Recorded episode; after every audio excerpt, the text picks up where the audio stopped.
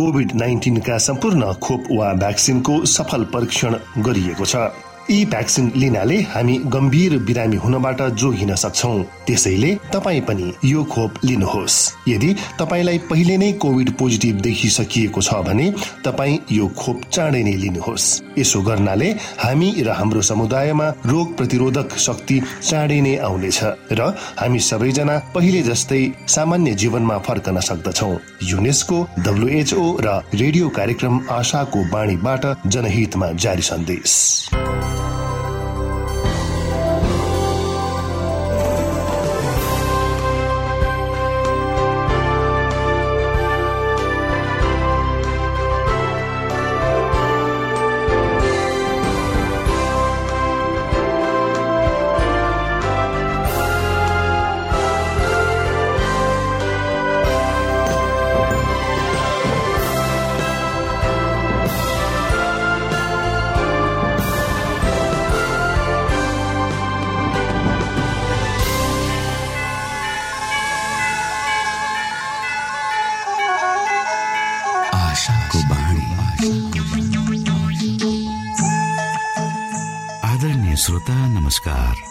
समय तपाईँ Adventist world रेडियोको प्रस्तुति भोइस अफ हो।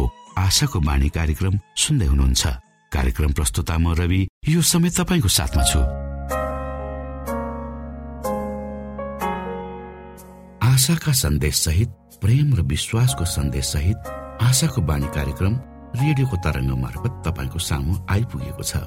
आजको कार्यक्रमले तपाईँको जीवनमा नयाँ सन्देश पुर्याउन सकेकै होस्। हाम्रो शुभेच्छा तपाईँको निम्ति यही रहनेछ। दैनिक यसलाई सुन्ने गर्नुहोस् र आफूलाई चाहिने प्रकारको आशिष र अगुवाई अवश्य यहाँले लिन सक्नुहुनेछ भनेर हामीले आशा लिएका छौँ। आउनुहोस्। आजको कार्यक्रमलाई पनि हामी एउटा मधुर भजन सहित अगाडि बढाउँ।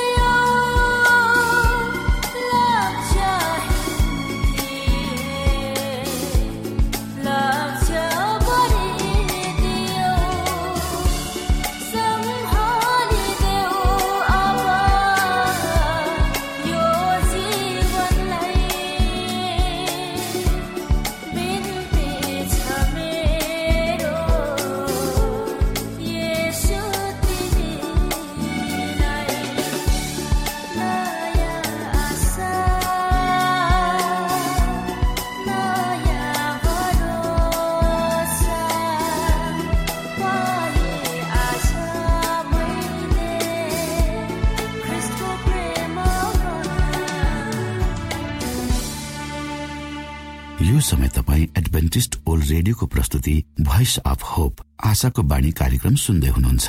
श्रोता मित्र यो समय हामी पास्टर उमेश पोखरेलबाट आजको बाइबल सन्देश सुन्नेछौ।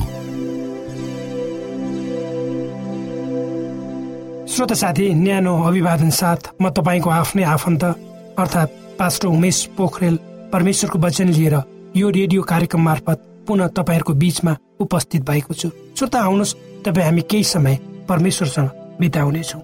मलाई आशा छ तपाईँले हाम्रा कार्यक्रमहरूलाई नियमित रूपमा सुनेर जीवनमा धेरै आशिषहरू प्राप्त गर्दै हुनुहुन्छ।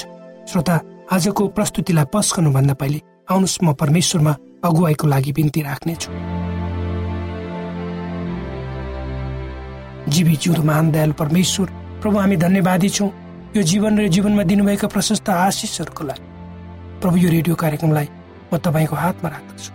यसलाई तपाईँको राज्य र महिमाको प्रचारको खातिर यो देश र सारा संसारमा तपाईँले पुर्याउनुहोस्। ताकि धेरै मानिसहरूले तपाईँको ज्योतिलाई यो कार्यक्रमद्वारा चिन्न सक्नुहोस्। सबै बिन्ती प्रभु यीशुको नाम। आमेन।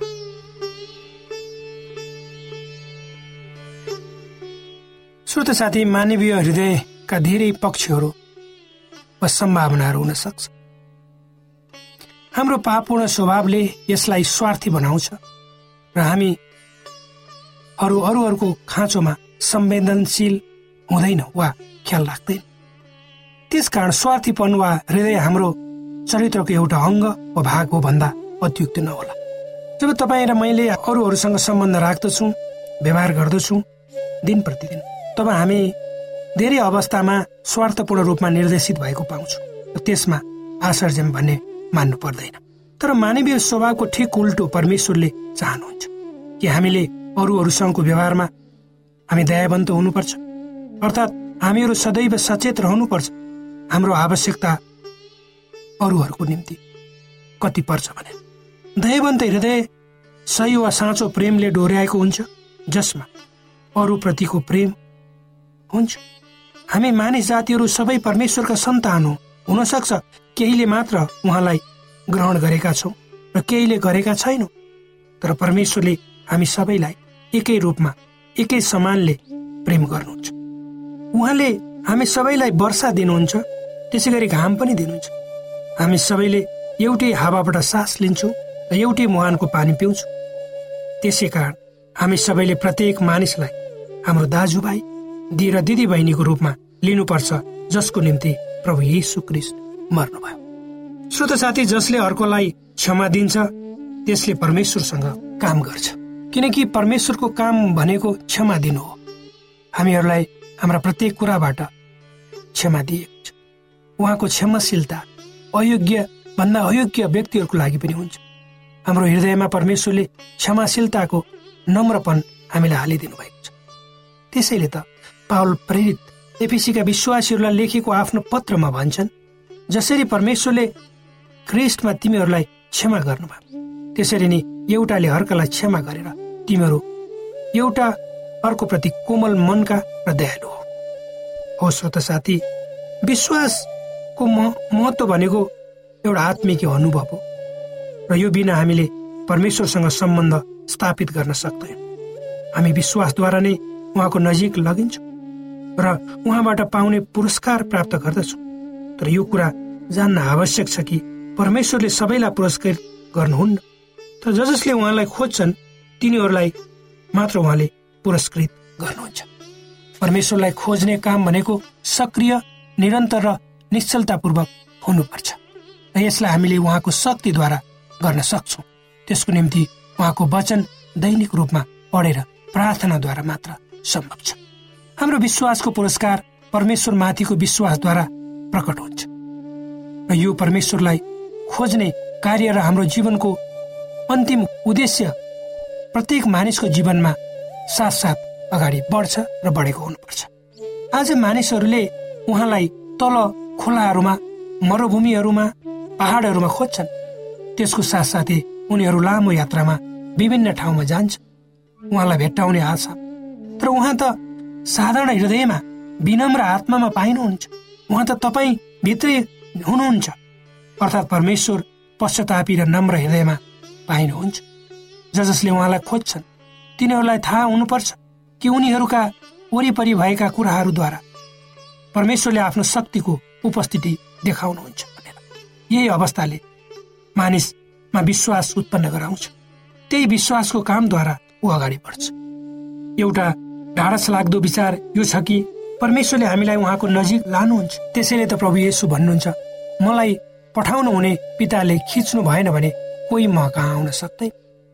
जब तपाईँ हामी हाम्रो जीवनमा परमेश्वरको आवश्यकतालाई बुझ्दछौँ र उहाँको क्षमाशील चरित्रलाई देख्छौँ तब हामी उहाँलाई पूर्ण रूपमा विश्वास गरी आफ्नो इसाई जीवन यात्रालाई उहाँको अगुवाईमा अगाडि बढाउँछु र हामी ज्योतिका सन्तान भई हिँड्छौँ र हाम्रो ज्योतिले अन्धकारमा भएका धेरै मान्छेलाई प्रकाश दिन्छ।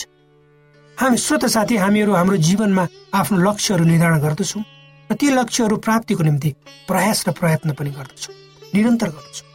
गरिरहेका छौँ जो मानिस आफ्नो जीवनमा कुनै लक्ष्य नराखी अगाडि बढेको हुन्छ त्यो अन्त्यमा शून्यतामा मात्र पुग्छ। उद्देश्यहीन जीवनले कसैलाई फाइदा पुर्याउँदैन। प्रभु येसुले तपाईँ हामी सबैको निम्ति ठिक र सबभन्दा उत्तम लक्ष्यको स्थापना गर्नुभएको छ। त्यो हो परमेश्वरको धार्मिकता।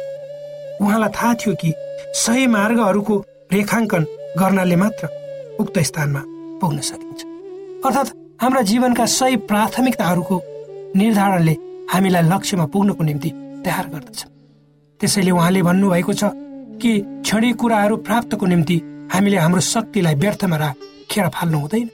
त्यसैले उहाँले आफ्ना चेलाहरूलाई आफ्नो निम्ति पृथ्वीमा धन सम्पत्ति नथुपार जहाँ किरा र खियाले ती नष्ट पार्छ जहाँ चोरहरूले घर फोरेर ती चोर्छन् तर आफ्नो निम्ति स्वर्गमा धन सम्पत्ति थुपार जहाँ किराले वा खियाले नष्ट पार्दैनन् भनेर भन्नुभएको हाम्रो हृदय ती चिजहरूमा हुन्छन् जसको निम्ति हामीले समय दिन्छौँ वा समय खर्च गरेका छौँ। हामीलाई सचेत गराइएको छ कि हामीले के गर्ने हामीले के कुरामा ध्यान दिनुपर्छ भने प्रत्येक दिन हामीलाई चौबिस घन्टा एक हजार चार सय चालिस मिनट र छयासी हजार चार सय सेकेन्ड समय दिएको छ खर्च गर्नलाई। यी समयहरूलाई हामीले कसरी बिताउँछौँ? त्यसले देखाउँछ कि हाम्रो मन वा हृदय कहाँ छ? घमण्डी छ भनेर। घडीको सुईको प्रत्येक टिक टिकले हामीलाई मृत्युतर्फ नजिक आउँदैछ। अर्थात् हामीलाई दिएको समयसँग हाम्रो दूरी नजिकिँदैछ वा सकिँदैछ। हामी हाम्रो जीवनलाई के गर्दछौँ त?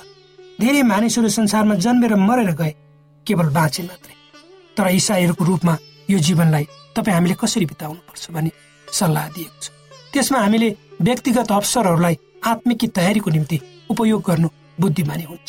सधैँ ख्याल गरौँ श्रोत साथी। तपाईँ हामीलाई दुईटा भिन्न भिन्न कुराहरूलाई मान्न र सन्तुष्ट हुन बोलाइएको होइन त्यो त एउटा संसारको लागि र अर्को स्वर्गको लागि। तर हामी स्वर्गलाई हाम्रो प्राथमिकतामा राखी वर्तमान यो संसारमा उपयुक्त जीवन जिउँछौँ र परमेश्वरले हाम्रा अस्थायी आवश्यकताहरूलाई पुरा गरिदिनुहुन्छ र हामीले यसमा चिन्ता फिक्री गर्नु आवश्यक छ। सबै कुरा हाम्रा दैनिक आवश्यकताहरू परमेश्वरमा राख्नुहोस् उहाँले पुरा गरिदिनुहुन्छ यी वचनहरूद्वारा परमेश्वरले तपाईँलाई आशिष दिनुहोस्। आमेन।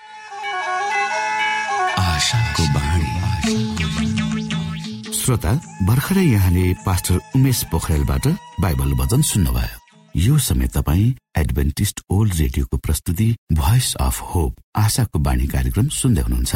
कार्यक्रम सुनेर बस्नुहुने सबै श्रोतालाई हामी हाम्रो कार्यक्रममा स्वागत गर्न चाहन्छौ। श्रोता मित्र यदि तपाईँ जीवनदेखि हरेस खानु भएको छ तपाईँका जीवनमा धेरै अनुत्तरित प्रश्नहरू छन् भने आउनुहोस् हामी तपाईँलाई परमेश्वरको ज्योतिमा डोहोर्याउन चाहन्छौ र तपाईँ आफ्नो जीवनका चिन्ता फिक्रीबाट निश्चिन्त हुनुहोस् र बाँच्नुको आनन्द परमेश्वरको सामिप्यमा कति मिठो हुन्छ त्यो चाख्नुहोस् भनी हामी चाहन्छौँ। श्रोता यदि तपाईँ आशाको बाणी कार्यक्रमलाई अनलाइन सुन्न चाहनुहुन्छ वा डाउनलोड गर्न चाहनुहुन्छ भने W W W dot AWR dot ओआरजीमा जानुहोस्। त्यहाँ तपाईँले प्रत्येक दिनको कार्यक्रम सुन्न र डाउनलोड गर्न सक्नुहुनेछ। हाम्रो वेब पेज यस प्रकार छ W W W dot AWR dot ORG श्रोता यदि तपाईँ हामीसित सिधै फोनमा सम्पर्क गर्न चाहनुहुन्छ भने हाम्रा नम्बरहरू यस प्रकार छन्। अन्ठानब्बे एकसाठी पचपन्न शून्य एक सय बिस अन्ठानब्बे एकसाठी पचपन्न शून्य एक सय बिस र अर्को अन्ठानब्बे अठार त्रिपन्न पन्चानब्बे पचपन्न. अन्ठानब्बे अठार त्रिपन्न पन्चानब्बे पचपन्न. प्रिय श्रोता मित्रहरू ख्रिस्ट यसुको नाउँमा न्यानो अभिवादन जय मसिंह। म तपाईँहरूको मित्र उमेश यमन थापा। तपाईँहरू माझमा आज पनि केही प्रस्तुति लिएर उपस्थित भइसकेको छु। आउनुहोस्। आज पनि तपाईँहरूको माझमा नयाँ प्रस्तुति लिएर म उपस्थित भइसकेको छु। आज हामी काम र अध्ययनको विषयमा केही जानकारी हासिल गर्नेछौँ।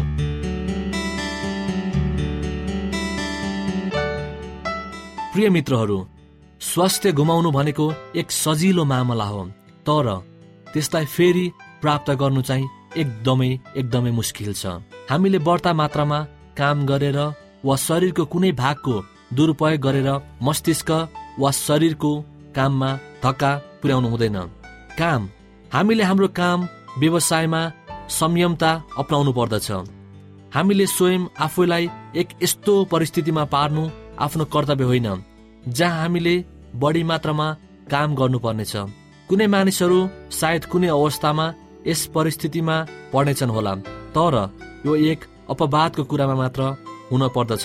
नियम चाहिँ होइन।